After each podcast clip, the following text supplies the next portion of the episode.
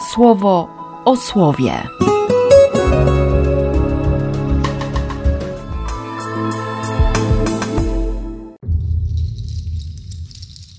Dwudziesty drugi stycznia, sobota. I po burzliwej lekturze pierwszej księgi Samuela rozpoczynamy drugą z tych ksiąg. Dobrze jest dziś znów przeczytać cały ten tekst w tej wersji z czytaniami.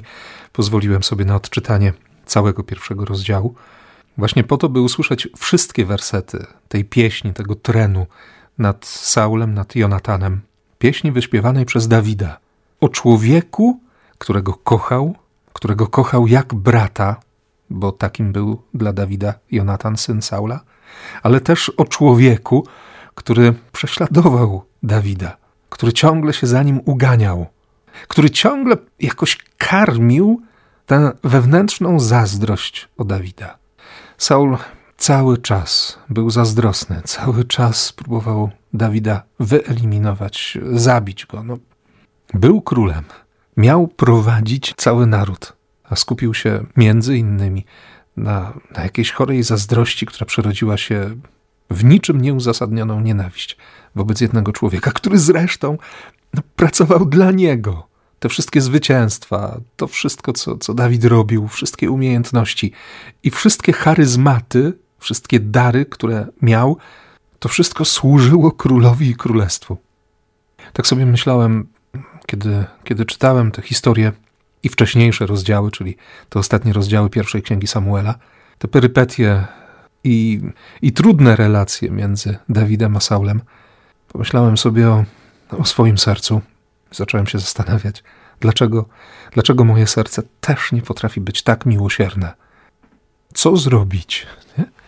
Co zrobić, żeby mieć miłosierne serce? Niezazdrosne, nie nienawistne.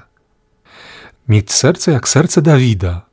A przecież chodzi o, o coś o wiele większego, bo, bo tu chodzi o serce jak serce Jezusa uczyń moje serce na wzór Twojego serca. Nie? Co zrobić? Ano przypomnieć sobie znów to, co się wydarzyło w Betlejem. Kiedy, kiedy Dawid został postawiony między swoimi siedmioma braćmi, właściwie pośrodku swoich braci i namaszczony. I ten komentarz autora pierwszej księgi Samuela, który mówi o tym wydarzeniu, od tego dnia duch Pana zstępował na Dawida. Duch Boży. Tak, tak, po raz kolejny wiem, że potrzebuję wołania o Ducha Świętego.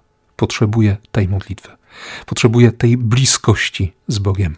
Bo tylko dzięki Duchowi Świętemu mogę odkryć w sobie nowe serce. Nie moje serce, ale, ale serce ofiarowane przez Boga. Mogę je przyjąć.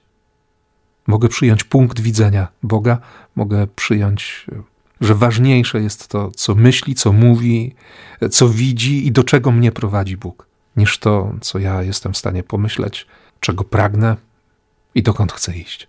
Myślę, że to bardzo ważne w kontekście jeszcze dzisiejszej Ewangelii. Dwa krótkie wersety w przekładzie Biblii pierwszego Kościoła, cztery zdania. Jezus wraca do domu, czyli do Kafarnaum. Zbiera się tłum, że nawet trochę chleba nie mają czasu zjeść.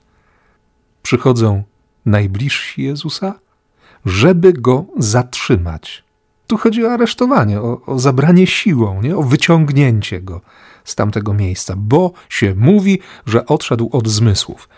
Przeczytamy o tym, że, że był oskarżany już wtedy o opętanie. Opętany wariat, nie? szalony pod wpływem złego ducha. No trzeba go usunąć, trzeba wyeliminować.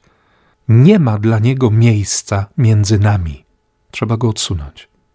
A Jezus wtedy rozgląda się po tych wszystkich ludziach, i mówi, że, że jego najbliżsi to są ci, którzy mają w sobie wolę odkrycia woli Ojca Niebieskiego. Zresztą o tym usłyszymy, bo, bo to jest końcówka trzeciego rozdziału, również redakcji świętego Marka. Nie chodzi o to, żeby, żeby wyeliminować Jezusa, żeby go aresztować, żeby go odsunąć.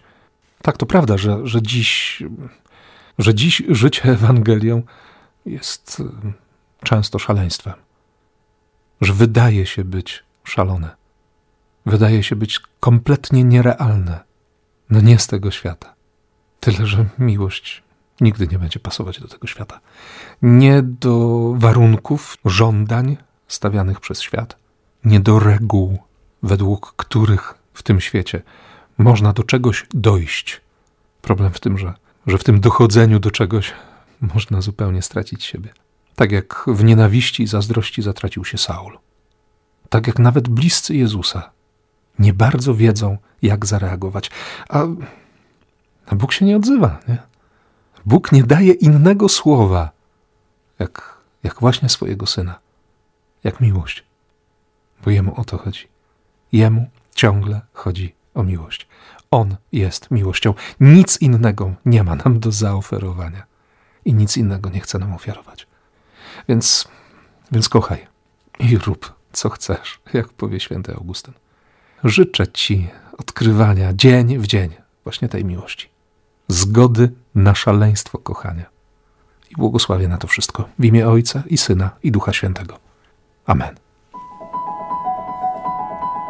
Słowo o słowie.